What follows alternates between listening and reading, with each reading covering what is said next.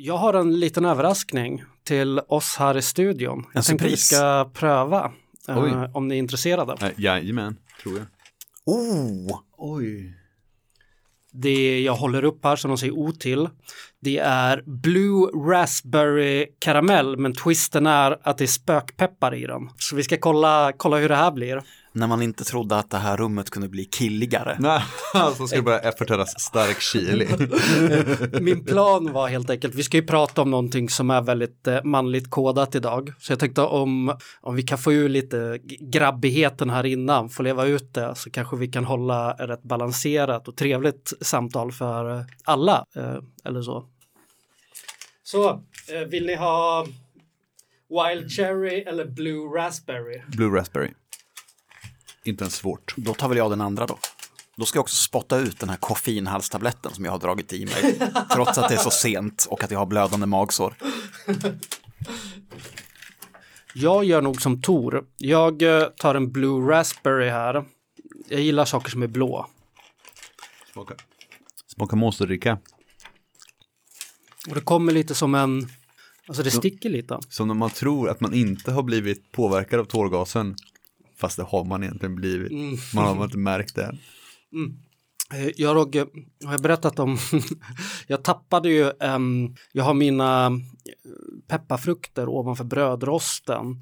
Och jag, eh, en av dem hade tydligen trillat ner i brödrosten så när jag rostade macka så, så, så började jag få hostningar och svårt att andas plus att det började rinna i mina ögon. Och det var, det, var alltså som att någon kommit in och fyllt min lägenhet med pepparspray. Ja, det var dumt. Hittills underwhelming. Jag känner varje gång någonting har annonserats som att det är spökpeppar i så har jag alltid tänkt, ja ja, alltså, eller det, det har liksom aldrig slagit Jag börjar känna nu faktiskt. Nej, Men jag är också en sås och potatis kind of guy. Jag äter väldigt sällan stark mat. Och brukar inte riktigt uppskatta den när jag äter det. nej, det här var inte så starkt. Och det säger jag inte som kille. Jag säger, säger det som människa. Mm. Ingenting jag säger nu. Det finns ingenting jag kan säga nu som inte kommer låta som någon slags machoism. Så att jag låter bara bli. Comintern.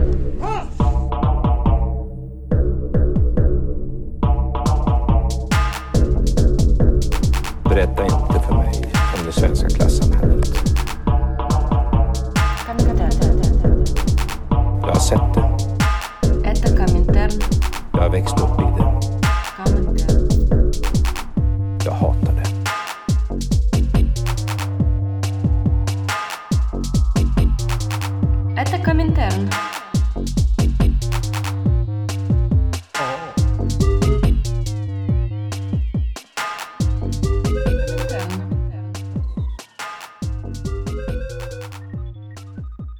Idag så ska vi prata om träning.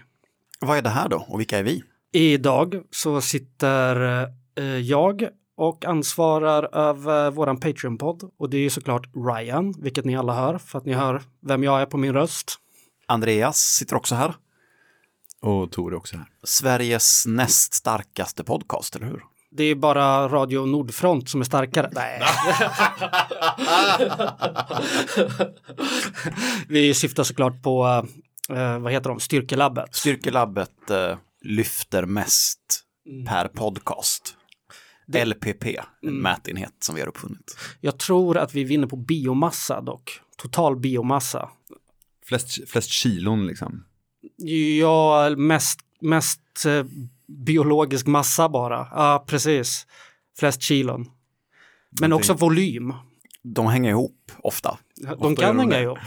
Men vi, vi har ju, vi, alltså jag menar, ifall vi tänker att de är helt slimmade, att de är deffade, så kan ju de ha fler kilon i muskler med mindre volym, för fett väger mindre än muskler. Så vi kan ju fortfarande vinna i volym. Ja, oklart, jag är oklar på den här. Men eh, om du säger det så, så är det sant. Vi tänkte börja med träning. Eh, prata om träning helt enkelt. Och det är ju någonting som, som vi alla gör här inne. Det som vi har gemensamt i grunden är ju styrketräning på gymmet.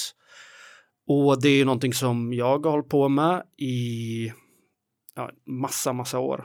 Lift heavy stone, make sad voice in head go quiet. Exakt. Det är någon slags grundprincipen i allas vår, våra träningsliv. Ja, vi har en rätt pragmatisk syn på träning och det är liksom att eh, det är som den Riptoes eh, eh, citatet. Är man starkare så är man svårare att döda.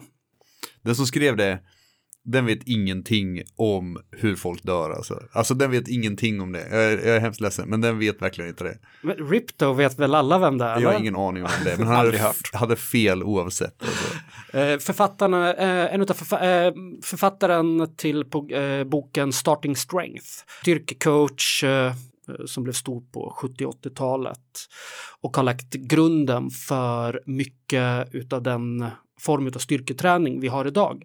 När det kommer både till hur man ska träna styrka separat från hur man ska träna för att öka muskelmassa eller träna för att bli uthålligare. Och det som är intressant med just den här typen av träning är ju att det har kommit fram genom en rätt eh, organisk eh, kort tid, alltså en utveckling utav eh, träningsproduktionsmedlen som tog rätt eh, hög fart på 70 och 80-talet. Hela vägen då, då till eh, guldåldern med Arnold Schwarzenegger som har flera övningar uppkallade efter sig till och med, kanske en av de största eh, äro, eh, äran man kan få. Mm. Arnold pressar. Mycket bra. Arnold pressar.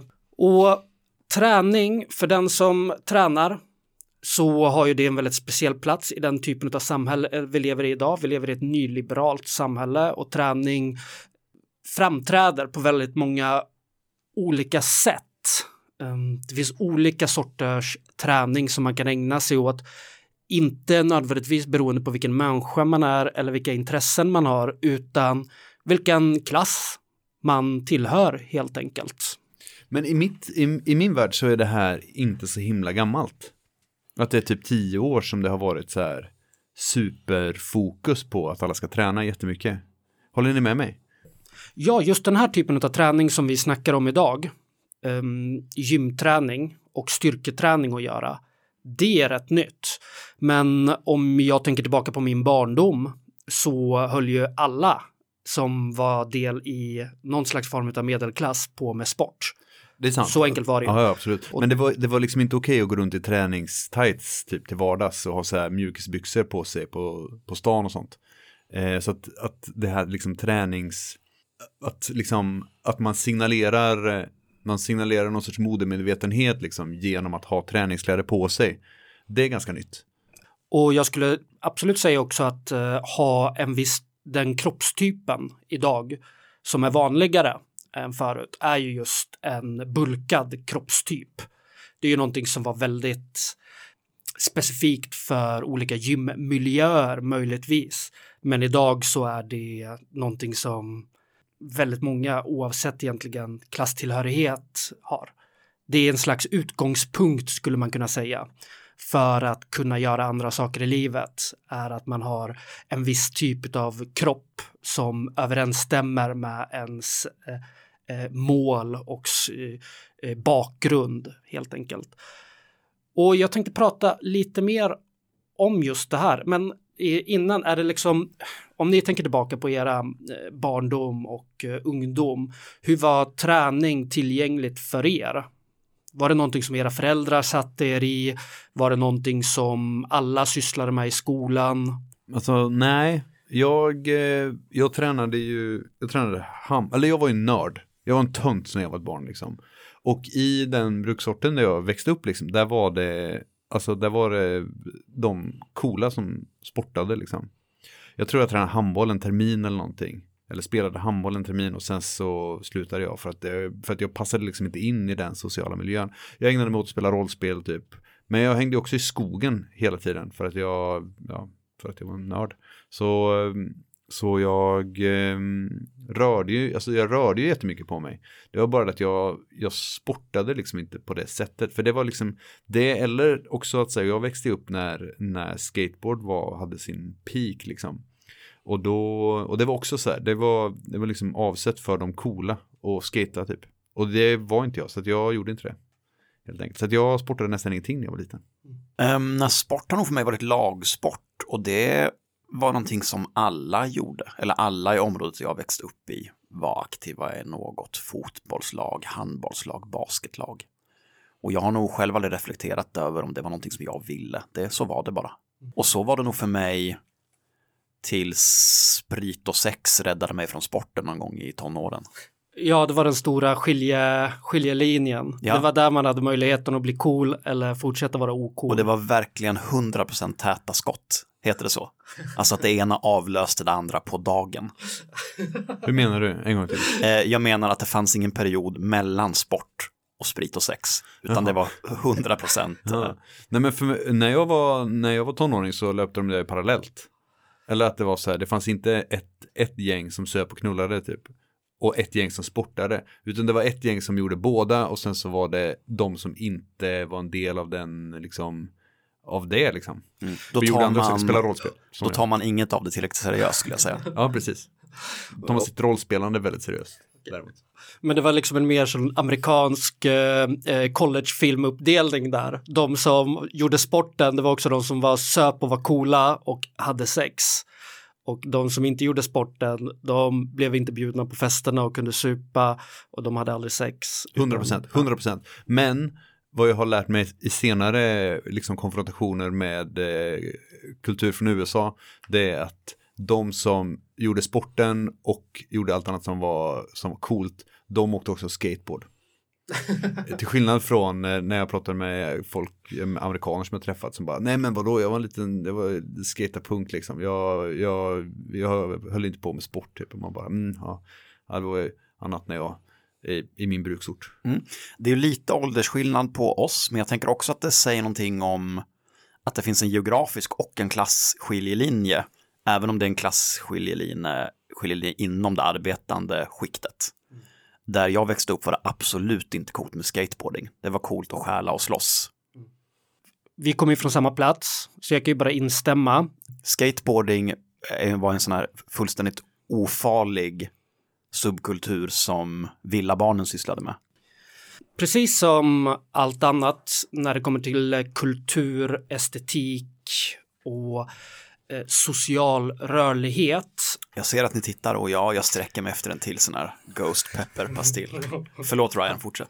så är ju även idrott och sport någonting som säger någonting väldigt eh, tydligt har man sett i olika studier, främst gjorda i USA, om vilken klasstillhörighet man har. Och bara för att lägga ut grunden här helt enkelt, när vi, mm, det här har att göra med kulturellt kapital. Och när vi pratar om kur- kulturellt kapital så menar vi helt enkelt, eh, så kommer det betyda här, det hemliga språk och de markörer som de dominanta klasserna använder sig av för att sålla ut vilka som tillhör den dominanta klassen och vilka som inte gör det. Och de här markörerna är ju helt godtyckliga. Det handlar om att man ska vet, känna till en viss typ av litteratur, man ska ha en viss typ av kunskap, man ska ha ett visst sätt som man är på med andra människor. Och man kan tycka vad man vill om det som person, men det finns ju en hegemonisk uppfattning i samhället om vad som är fint och fult. Och det denna uppfattning har ju att göra med, ja, som sagt, inte bara vilka typer av kläder eller hårdvara vi har i vår tillvaro som ger oss status, utan även våra kroppar. Och eh, nu ska vi se om jag uttalar namnet rätt. Eh, Bordeaux, eller Bordeaux, Bordeaux tror jag. Bordeaux kör vi på, menar ju att eh, träning är socialt och kulturellt kodat.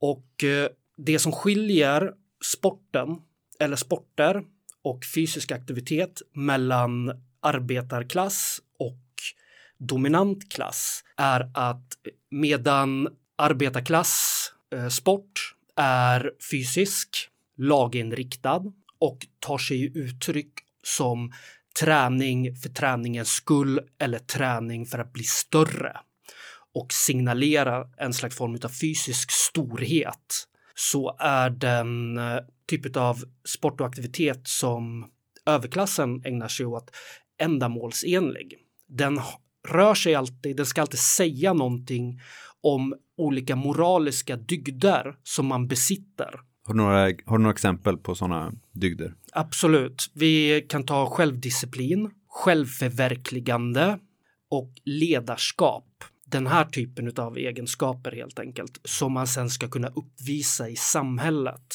Just det, de är ofta omgivna av en så här mytisk air av att de är någonting större än bara idrotten också. Jag tänker typ tennis och golf och sådana saker.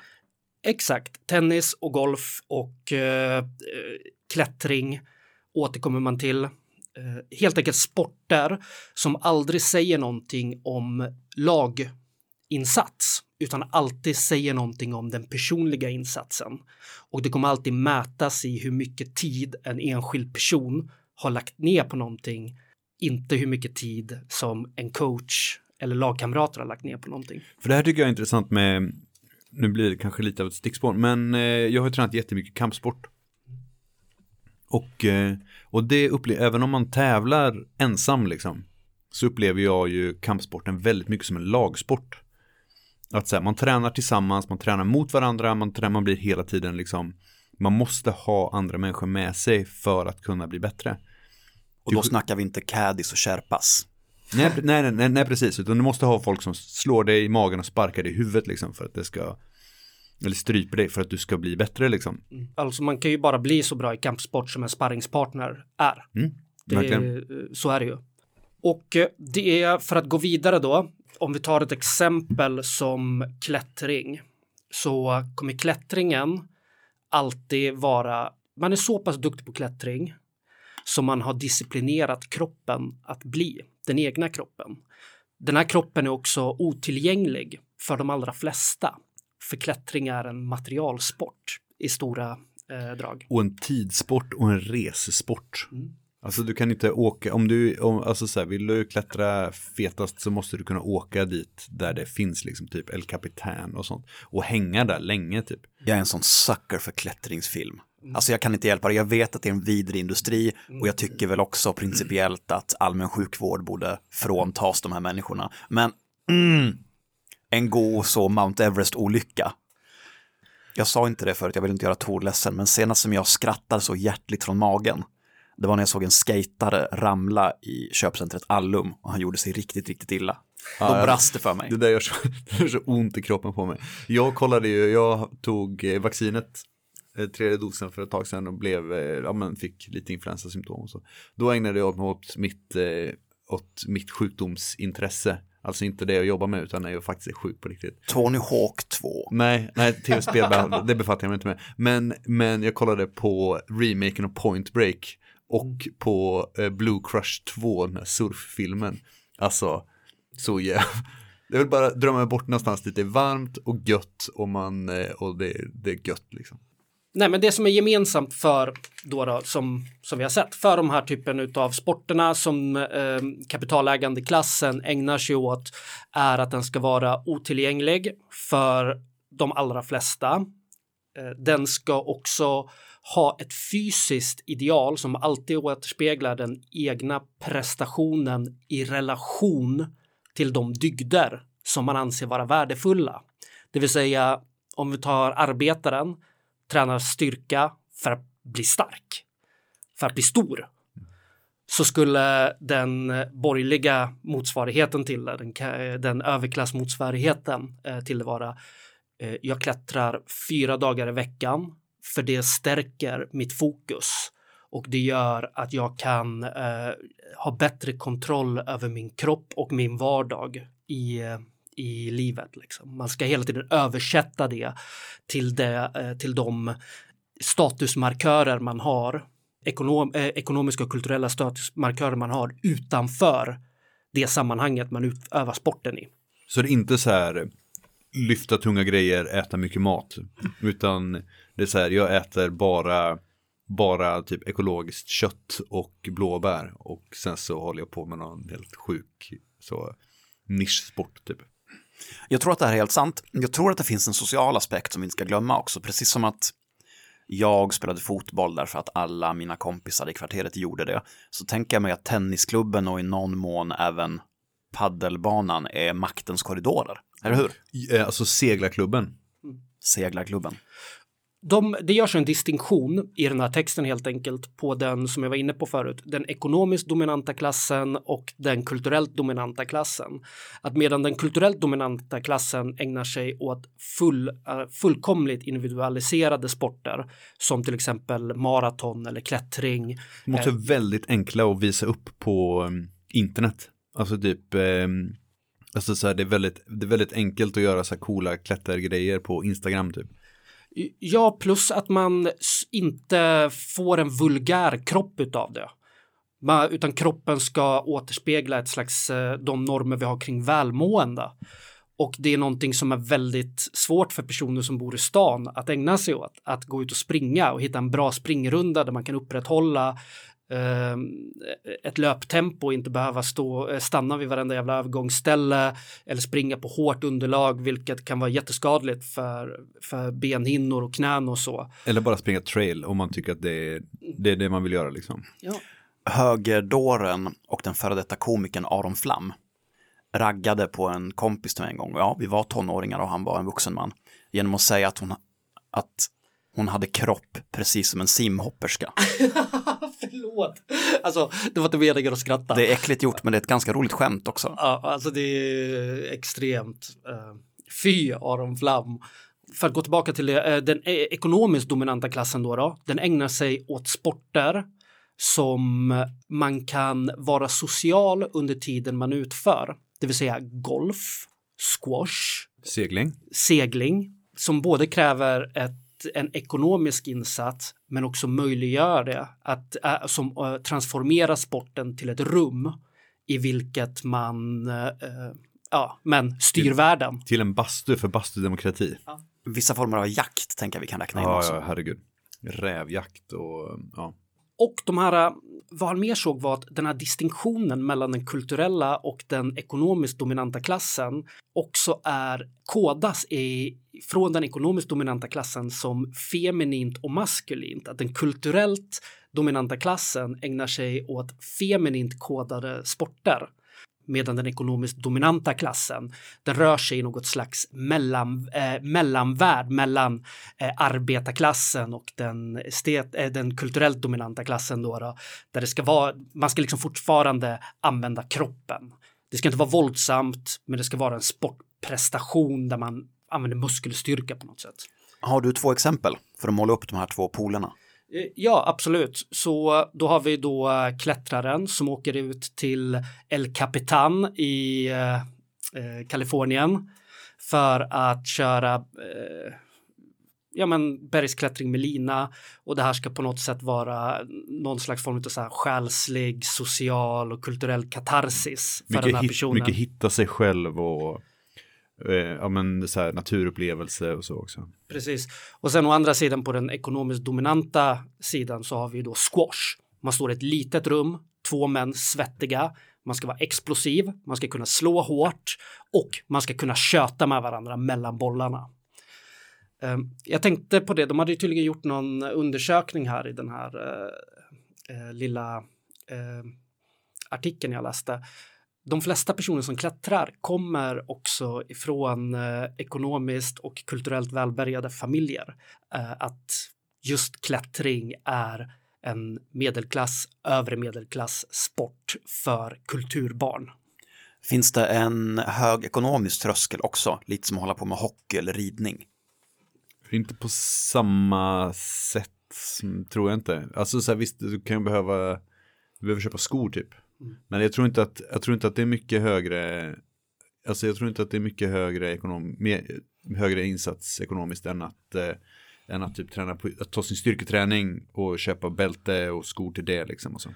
Alltså om man, tar, om man har ett lite bredare perspektiv så är andra klasskodade sporter typ rodd. Alltså alla de här eh, universitets Ivy League eh, sporterna liksom. Ja, man ska vara i ett sammanhang där det redan är stort, för annars finns inga barn som kommer på tanken att satsa på rodd. Absolut inte. Men vi får inte glömma att i USA så finns det ju, där så finns det ju en väldigt eh, hög exploatering av arbetarbarn inom amerikansk fotboll och så. Att den här jockey eller den här coola quarterback eh, bilden som förmedlas till oss genom, genom film och är ju inte sann.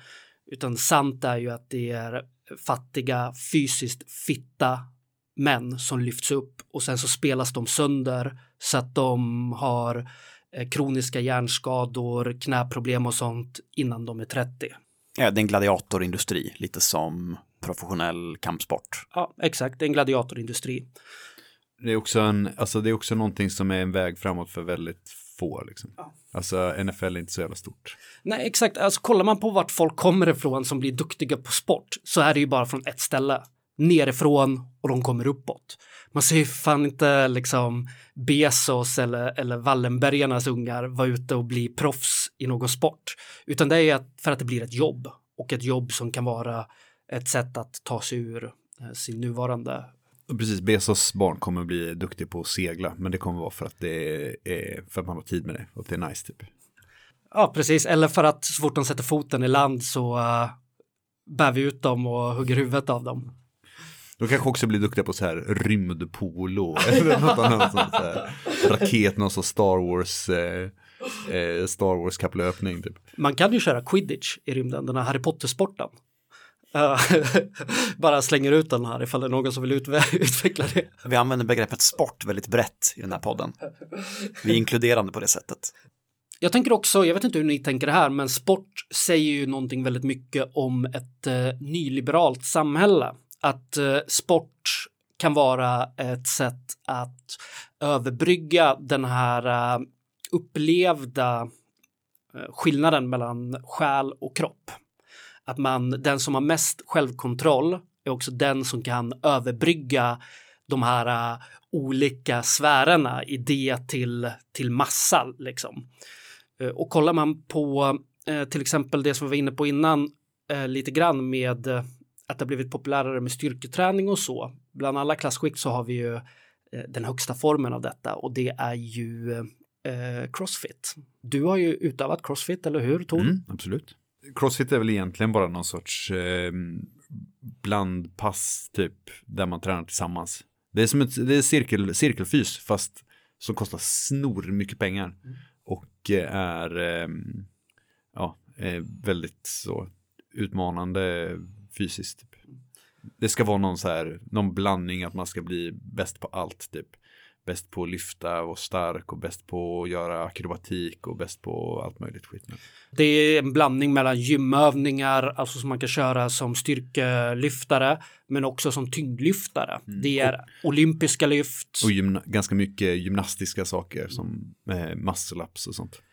Det, där tänker jag liksom att det blir väldigt tydligt i hur en, eh, en socialisering av idrott kan se ut. Att socialiseringen sker inte i, i termer utav att eh, det, det blir en, en tillgänglighet utan att man att det blir en avgränsning i i olika sport, nya sporter dyker upp som massa nya börjar utföra. Men det blir också en avgränsning för att ett crossfit-kort kostar ungefär 3 till 4 gånger mer i månaden än ett vanligt gymkort. Mm, absolut. Och det som man måste göra i crossfit är ju också som du sa, det är otroligt utmanande. Det ska, vara, det ska till självdisciplin, det ska vara självförverkligande och slutprodukten utav det är ju någonting som väldigt få människor i det här samhället kan drömma om. Det är ju en superkropp. Mm. Och, och Crossfit har, eller företaget Crossfit har ju också svin mycket med amerikanska armén att göra. Just det, det finns bara ett ja. Det är Mm. varumärkesskyddat. Ja, det är det. det, är det. Så därför finns det så cirkelfys eller fitness eller sånt liksom. Men det är absolut en jätte, det är en intressant miljö faktiskt. Det är, och det är väldigt så, det är väldigt mycket av de här sakerna som kommer igen med så här, ja men med disciplin och med att, eh, just och den här, så här euforin av att man får ta ut sig svin mycket och det är väldigt mycket den här, ja men det blir nästan lite, lite spirituell liksom, man pratar om det på ett lite spirituellt sätt liksom. Ja, man gör det tillsammans i grupp, eh, men det är fortfarande väldigt individuellt. Det för att du ska kunna göra dina eh, 20 eh, olympiska på raken så är det ju du som måste göra dem i din egen grupp. Mm. Det är ingen det, är ingen, det är ingen annan, det krävs på, alltså så här, till skillnad från kampsport så är det ju inte någon, att jag tränar med folk som är bättre, gör ju inte mig bättre liksom. Nej. Och det, här tänker jag att det blir en, eh, en rätt tydlig motsättning, för det man pratar om är ju kulturellt kapital, vad är det? Jo, men det är det som eh, överklassen bestämmer ska vara meriter för att få vara en del av den klassen, bortsett från liksom de e-, ekonomiska förutsättningar man har. Eh, men överklassen är ju också stormförtjust i arbetarkultur och håller på att appropriera den hela tiden. Och crossfit är ju verkligen den, den typen av appropriering av gymkultur där man gör det avgränsat. Man förhindrar de flesta människor från att delta i det genom prissättning och man gör det ex, eh, dessutom eh, extremt estetiskt. Det ska vara akrobatiska övningar och slutprodukten ska vara en kropp som ser ut på ett visst sätt. Men också att man pratar extremt mycket om hälsa. Att säga vad som är hälsosamt. Och att, att vara i den här miljön gör ju, det är, det är intressant och lite skrämmande att säga min idé om vad en, hur en kropp ser ut det är ju helt skev vid det här laget. För de flesta, alltså så här, de flesta jag har träffat utan kläder har varit, alltså i omklädningsrum och så liksom, har varit eh, vältränade. Antingen så har de varit kampsportare. Eller så har de varit så här eh, crossfit-folk liksom. Eh, och så jag tror att den, och, eller så ser jag dem på film liksom. Och det, då är vi en helt annan, annan värld typ. Så att det här, alltså min, min idé om vad som är en, hur en kropp ser ut. Jag var på simhallen någon gång för något år sedan. Eh, och det var helt, jag bara wow, ja det var så här, det är så här folk ser ut typ. Ja, det här är, det här är så folk ser ut som helt vanligt liksom. Mm. Fan vad hemskt, vi har, vi har inte heller berört så mycket om man säger hälsosamhället eller vad man ska kalla det för. Det finns ju en jävla hälsohets. Där staten såklart vill att vi är hälsosamma därför att det blir billigare i längden. Mm. Men företagen som vi jobbar för, våra chefer vill ju också att vi tränar och är hälsosamma. Därför att vi ska räcka längre och ha lite längre till utbrändhet. Jag vill också vara hälsosam därför att det gör att jag sover bättre för att jag inte är så sönderstressad. Men i, egentligen så är, handlar det om att jag ska vara en, en god och långvarig varuproducent. Från statens sida så finns det ett intresse av um, att man ska, att det är en god folkhälsa. Men det intresset bottnar ju alltid bara i eh, hur, hur länge man kan producera, hur länge man kan vara produktiv. Mm. Det är så förrädiskt med friskvårdsbidraget också att det, ja, men så det har skapat en situation där nästan alla förväntas träna. Men det räcker ju inte till någonting. Jag blir tvungen att investera jättestora delar av min pyttelilla lediga tid och mina pengar. Mm träning börjar ses som medicin till exempel är väl jättebra. Att man kan se att kroppen, eh, aktivering av kroppen och muskler och sånt kan, eh, kan förbättra ens eh, fysiska och psykiska hälsa. Men själva inramningen, den sker ju i en kontext och det sker i en kontext där vi inte har någon tid. Vi har ingen ork och vi har fan ingen lust att lägga på det här. Så det, det enda rimliga är att om man ser, alltså så här, träning är ju, alltså så här, träning är ju medicin, eller så här, det är för många saker så funkar det bra liksom, det är empiriskt. Men då borde man också börja bara ta den, den folkhälsoforskningen på allvar och bara se kapitalism som sjukdom. Mm. Den hälsofrämjande idrott som jag har tid och råd med, den är dessutom en ganska motbjudande fabrik. För det känns väldigt ofta som när jag går från jobbet, den faktiska värdeproducerande fabriken så går jag till hälsofabriken där jag trängs ihop med annat slödder och pack och så i två timmar så står vi och trängs och är sura på varandra och köar för att göra några obligatoriska övningar. Så vi ska palla jobba imorgon också. Fördelen med hälsofabriken är ju att har man tur och är på ett gym så kan det uppstå, uppstå en väldigt trevlig kamratskap där man där eh, gymträning helt enkelt är en gemensam upplevelse tillsammans med alla man tränar med på gymmet. Och det här är någonting som inte bara är att man får hjälp att lyfta tungt på ett lyft, utan det är någonting som sker över tid. När man ser att personer blir starkare, blir större. Det, det är någonting som sker över ett, två, tre, fyra, fem år och eh, den gemenskapen som kan uppstå på ett sånt gym är eh, fantastisk och underbar. Och jag förstår, jag ska bara, jag vet, ser att du vill komma in Tor. Eh, och jag förstår också att det här är en upplevelse som självklart har att göra med att jag är cisman. Att gymmet är ju en viss plats för mig som den inte är för som den inte är för icke-män helt enkelt. Du är också byggd som en grekisk halvgud. Jag tänker, alltså kampsporten för mig har ju varit jättetydlig på det här. Alltså, jag tror att det är Musa Hasselvall som skrev i någon kampsportstidning som jag glömt vad den hette, Fighter säkert. Eller något skit, ja, något sånt. Eh, att så här, alla förnekar det här. Men alla har en person som de blir lite lyckliga när den kommer till gymmet. När man har sin träningskompis och när den inte dyker upp så blir man lite, blir man, lite man känner sig lite besviken. Man, man har blivit stood up liksom. Och när den kommer genom dörren så blir man så här glad och, och, och vinkar lite och är så här peppad liksom. Känner verkligen igen mig. Ja, det är hund- 100 procent alltså. Det är 100 procentigt. Eh, men då är det ju också en väldigt tydlig gemenskap liksom och det är få saker som jag upplevt som så eh, intima liksom utanför, eh, utanför sex typ av att, eh, av att sparras med någon. Det är superintimt liksom. Mm. När man kollar på kroppstyper, alltså vilka kroppstyper som är accepterade idag i samhället, så har vi ju en rätt lång tradition av eh, fat shaming till exempel, att stora kroppar, kroppar som har mycket vara i sig, som liksom framträder ur mängden, är, eh, ses som motbjudande och de är också väldigt tydligt klass, eh, väldigt, eh, vad heter det, klassade. Det, och det här är ju någonting, en, en anledning till att vi har ett fitnessideal och att vi har ett hälsoideal har ju just med en distansiering från de här kropparna att göra. Man visar helt enkelt genom sin sociala klass, att man, ifall man är från överklassen, att man inte tillhör de personerna som är överviktiga.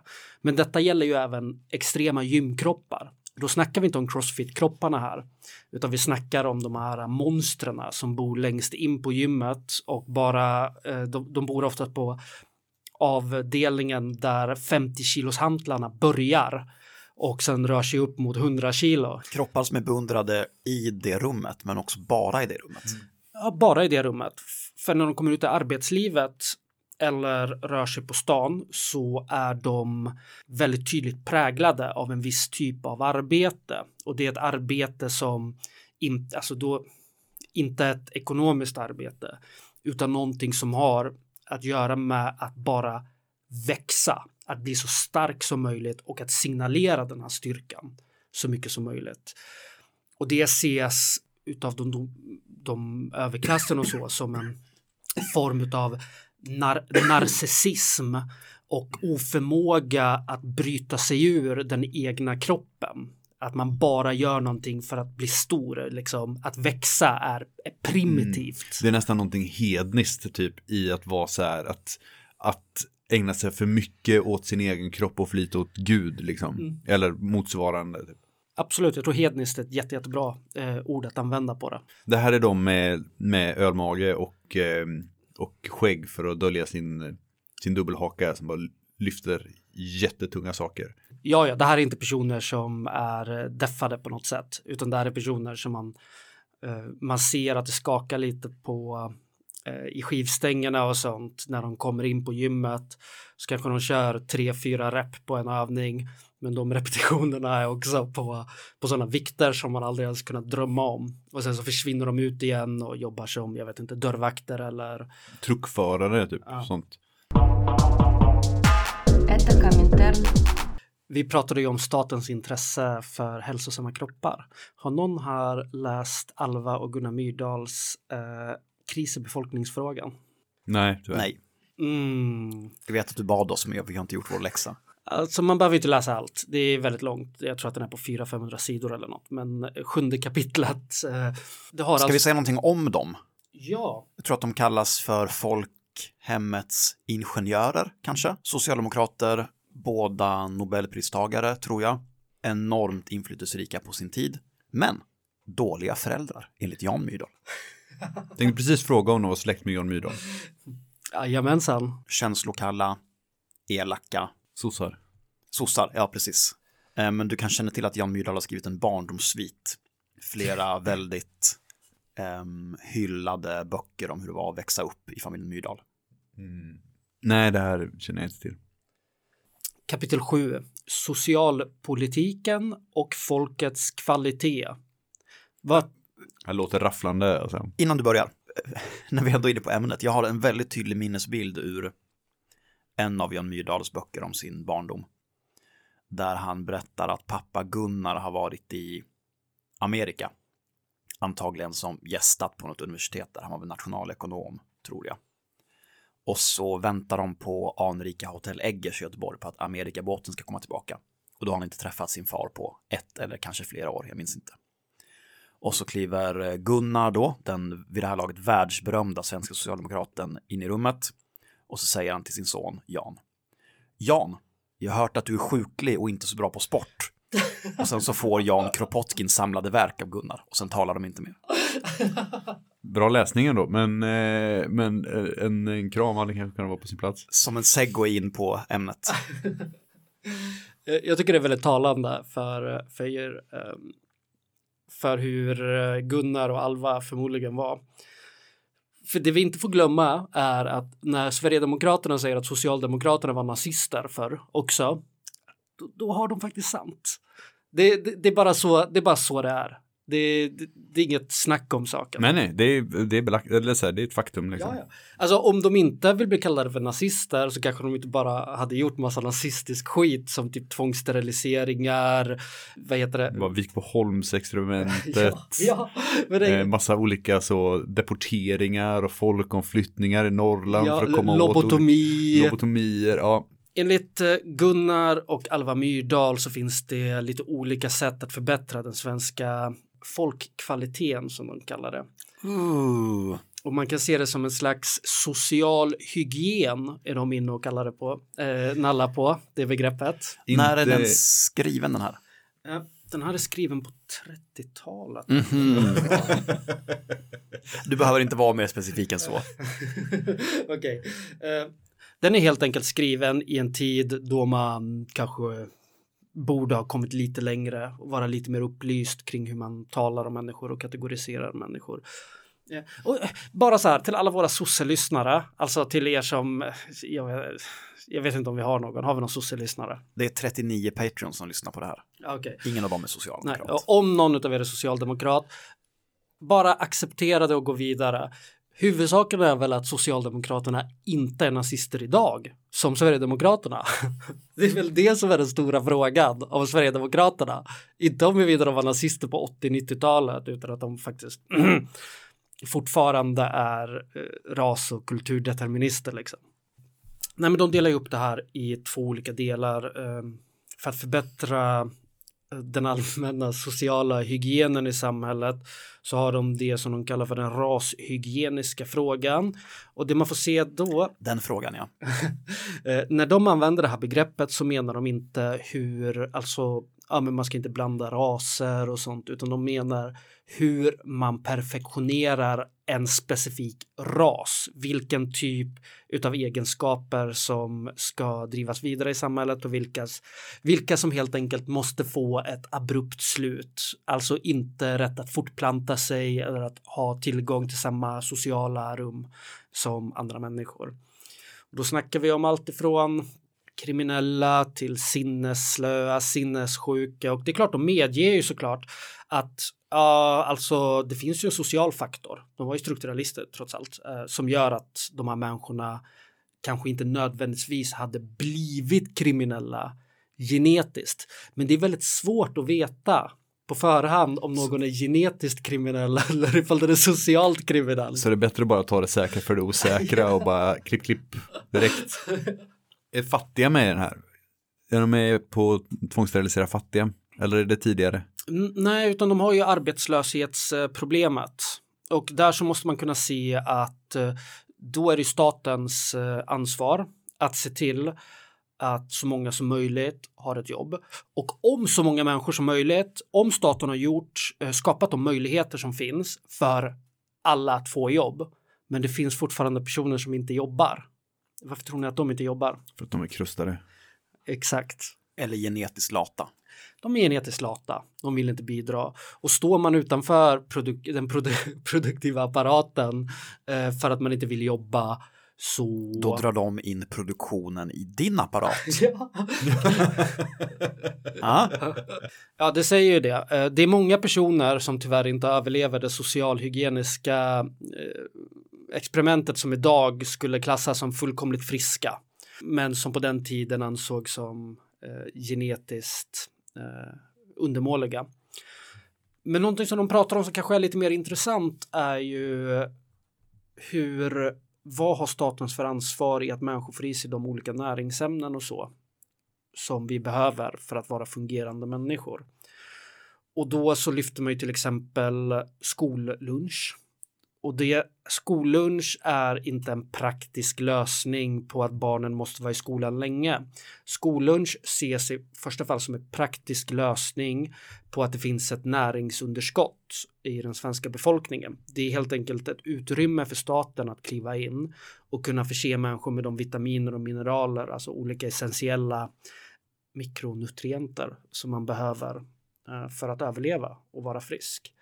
Men den här friskheten, varför vill eh, Gunnar och Alva att vi ska vara friska? Är det för att de tycker att det finns ett inneboende människovärde i alla? Så vi kan hålla på med sport och läsa Kropotkin. Det är därför jag vill vara frisk. Så precis som att eh, plankning är en avgiftsstrejk i den sociala fabriken så är matvägran om man går på högstadiet också en form av strejk. 100 procent. Att, att, att bara att, att bli opraktiskt stor, antingen ge- alltså överviktig eller att man tränat så mycket, det är strejk. Det är total strejk. Men nu, alltså nu finns ju skollunchen inte kvar på samma sätt. Inte på gymnasiet i alla fall. Den är ju liksom bort, eh, på många ställen bortprivatiserad mot att man får typ 100 spänn att köpa lunch för. Jag tror på kommunala gymnasieskolor så får man väl fortfarande skollunch. Så det finns ingen kvar. Helt enkelt. Det finns inga kommunala Det gymnasieskolor finns en kvar. skyldighet att erbjuda barnen mat och sen när man gör det med matcheckar som man kan lösa in på McDonalds eller genom att servera näringsrik skollunch. Det varierar. Så här har vi ju liksom, eh, Det vet jag eftersom jag går gymnasiet. ah, Social, men den är lite som, eh, alltså Gunnar och Alva, de är lite som eh, den här, eh, har ni sett Snowpiercer? Eh, koreansk film där klassamhället är ett tåg. Ja, precis. Klassamhället är ett tåg, men man får extremt näringsrik mat som man kan överleva helt på.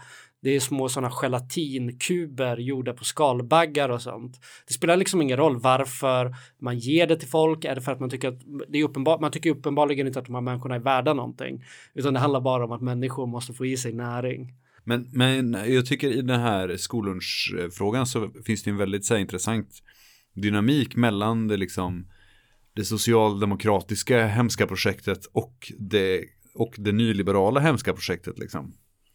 Eh, att eh, att det, det är bara en annan hegemoni istället för att så här, vi, ska, vi ska se till att eh, vi har en frisk och stark ungdom så att de kan göra militärtjänsten och sen kan de arbeta länge.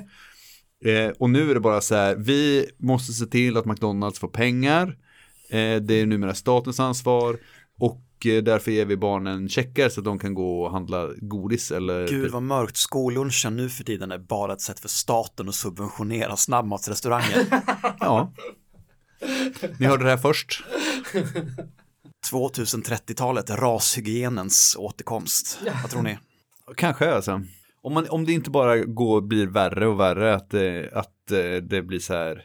Ja men de som går på olika så Ivy League eh, eh, högstadium kan få äta typ färsk frukt och dadlar typ och eh, Ja men får bara så här att de bara nej ni får inget socker, bara nej ni får bara äta två gram fett per dygn, bara nej bara håll, sitt ner och håll käft bara det blir inget. Eh, och sen så bara ger man så här billig, helt näringsfattig, direkt hälsovådlig bara mat till till pöben så att eh, de företagen som producerar det ska bli, ska bli eh, liksom få mer pengar. Det är ju skillnad på om man får, om det är liksom, ja, barbari eller barbari liksom.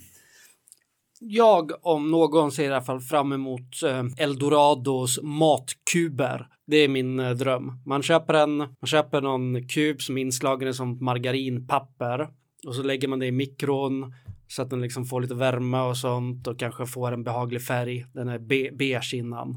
Kanske blir grön, alltså på ett behagligt sätt. Och sen bara äter man den och får i sig allt man behöver. Är det här Eldorados variant av Ninas matkasse?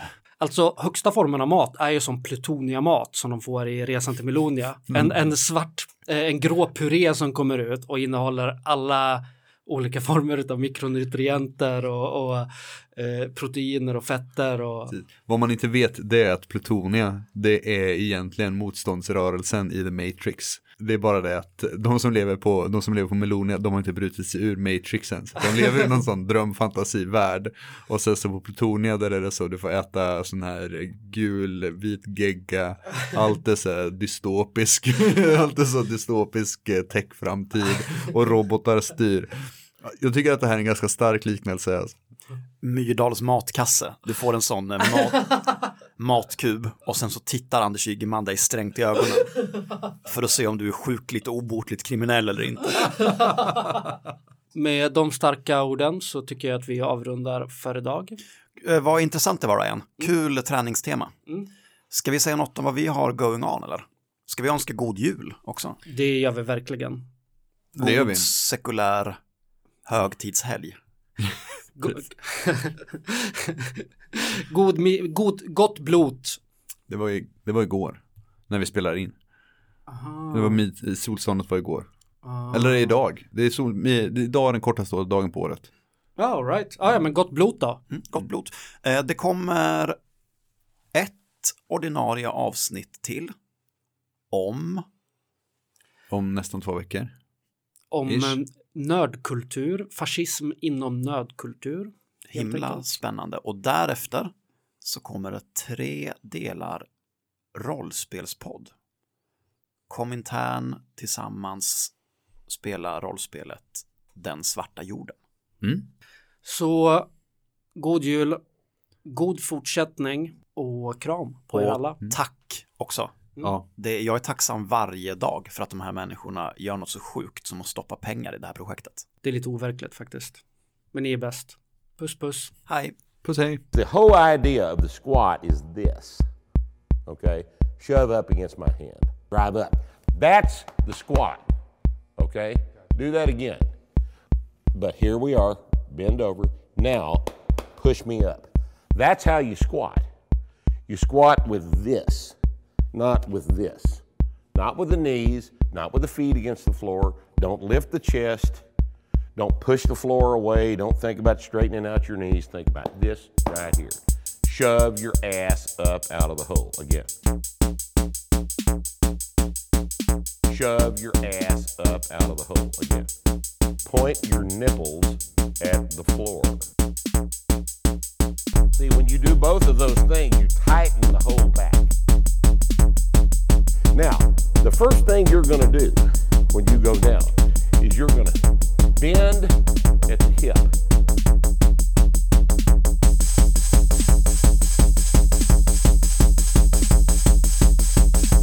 Right there. Okay, feel that bone?